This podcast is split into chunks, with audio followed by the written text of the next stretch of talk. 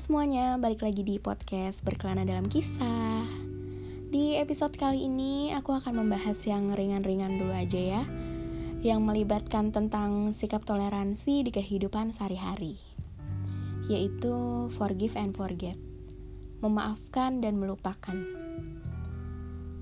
Kamu pernah gak sih hidup di circle pertemanan atau berada di circle pertemanan yang bisa dibilang sebagai circle pertemanan yang toksik. Jadi kayak membuat sebuah perkumpulan, tapi di dalam kumpulan itu dibagi lagi menjadi dua perkumpulan, bahkan lebih.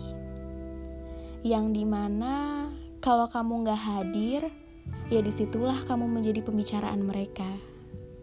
Dan kamu tahu itu, kamu tahu kalau kamu bahan obrolan mereka berpura-pura nggak tahu apa yang terjadi di hadapan mereka yang so tahu itu emang seru ya. Aku pernah ketemu sama circle pertemanan yang kayak gini. Ya gimana ya? Sakit hati ada. Memaafkan sudah pasti tapi melupakan belum tentu. Kamu tipe orang yang ini gak sih yang kalau udah dikecewain sama teman-teman itu kayak lebih memilih menjauhkan diri, mengasingkan diri gitu. Maafin sih ya dimaafin, tapi untuk berteman dekat lebih lanjut, kayaknya nggak mungkin lagi ya. Pasti semuanya akan terasa berbeda, nggak akan sama lagi kayak awal pertemanan. Sekedar say hi ya it's okay, karena sesulit itu ya melupakan kesalahan yang bisa dibilang bukan orang lain, tapi yang udah kamu anggap sebagai saudara, sahabat, bahkan kerabat. Memaafkan dan melupakan. Ini adalah dua kata yang berbeda, dua hal yang tidak mudah untuk dilakukan. Maaf. Satu kata ini emang kedengarannya sederhana, tapi sulit untuk diberikan. Rasanya sudah terlalu lama untuk marah, sudah terlalu lama untuk dimaafkan, dan sudah terlalu lama untuk berusaha melupakan. Sakit hati, patah hati, marah, sedih, kecewa, itu adalah emosi yang wajar. Aku, begitupun kamu, pasti pernah merasakan semua emosi itu kita diajarkan untuk bisa selalu memaafkan kesalahan orang lain. Iya, aku mencoba menerapkan itu tanpa mereka tahu. Iya, gimana mau tahu? Merasa bersalah aja enggak. Memaafkan itu mudah kok. Mudah. Bahkan kalau ada orang lain ngomongin kamu yang gak enak, tapi gak sesuai fakta, di detik itu juga kamu bisa berbesar hati untuk memaafkan mereka. Tapi kalau untuk melupakan, rasanya butuh waktu ya. Lalu, apakah memaafkan harus bisa melupakan? Seharusnya bisa. Tapi perkara memaafkan atau melupakan merupakan sebuah pilihan. Memaafkan itu urusan kita dengan diri sendiri.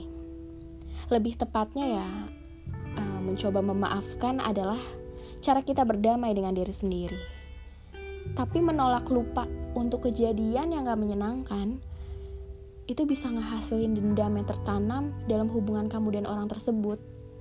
Iya, berakibatnya hubungan kamu jadi rusak, hubungan kamu jadi gak baik-baik aja, terus juga gak ada rasa percaya lagi. Sebenarnya penting banget sih buat benar-benar memahami apa yang kamu rasain untuk bisa memaafkan dan melupakan. Karena kalau kamu langsung memberikan maaf sebelum kamu memahami apa yang kamu rasain dan kamu belum berkesempatan buat ngeluarin rasa emosi kamu, itu akan susah buat kamu melupakan kesalahan yang dilakukan. Kenapa sih kita harus melupakan yang lalu-lalu? Kita harus melupakan yang udah-udah. Karena pada dasarnya kita akan selalu lebih mudah mengingat kesalahannya dibandingkan kebaikannya. Jadi kamu jangan berdiri di pusaran siklus kesalahan dan dendam yang sama secara berulang-ulang.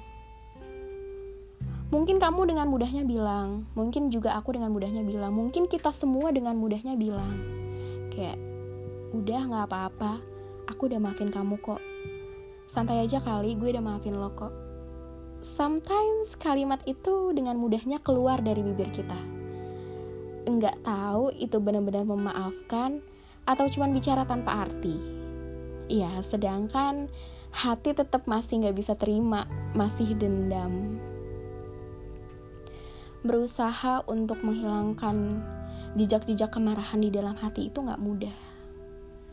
Karena nggak semua orang mampu melakukannya. Aku aja belum tentu bisa. Tapi apa salahnya ya untuk mencoba berusaha? Memaafkan dan melupakan itu nggak sepaket. Tapi kita sebagai manusia yang pastinya pernah melakukan kesalahan, ya apa salahnya berusaha keras untuk dapat memaafkan. Walaupun gak mungkin melupakan sepenuhnya apa yang terjadi, tapi seenggaknya batin kita gak dibebani dendam atau kebencian. Oke, okay, kayaknya sampai sini aja ya uh, topik mengenai memaafkan dan melupakan. Semoga kita semuanya bisa uh, belajar dan memahami apa itu memaafkan dan melupakan. Terima kasih buat kamu yang udah dengerin podcast ini sampai akhir. Sampai jumpa di next episode. Bye.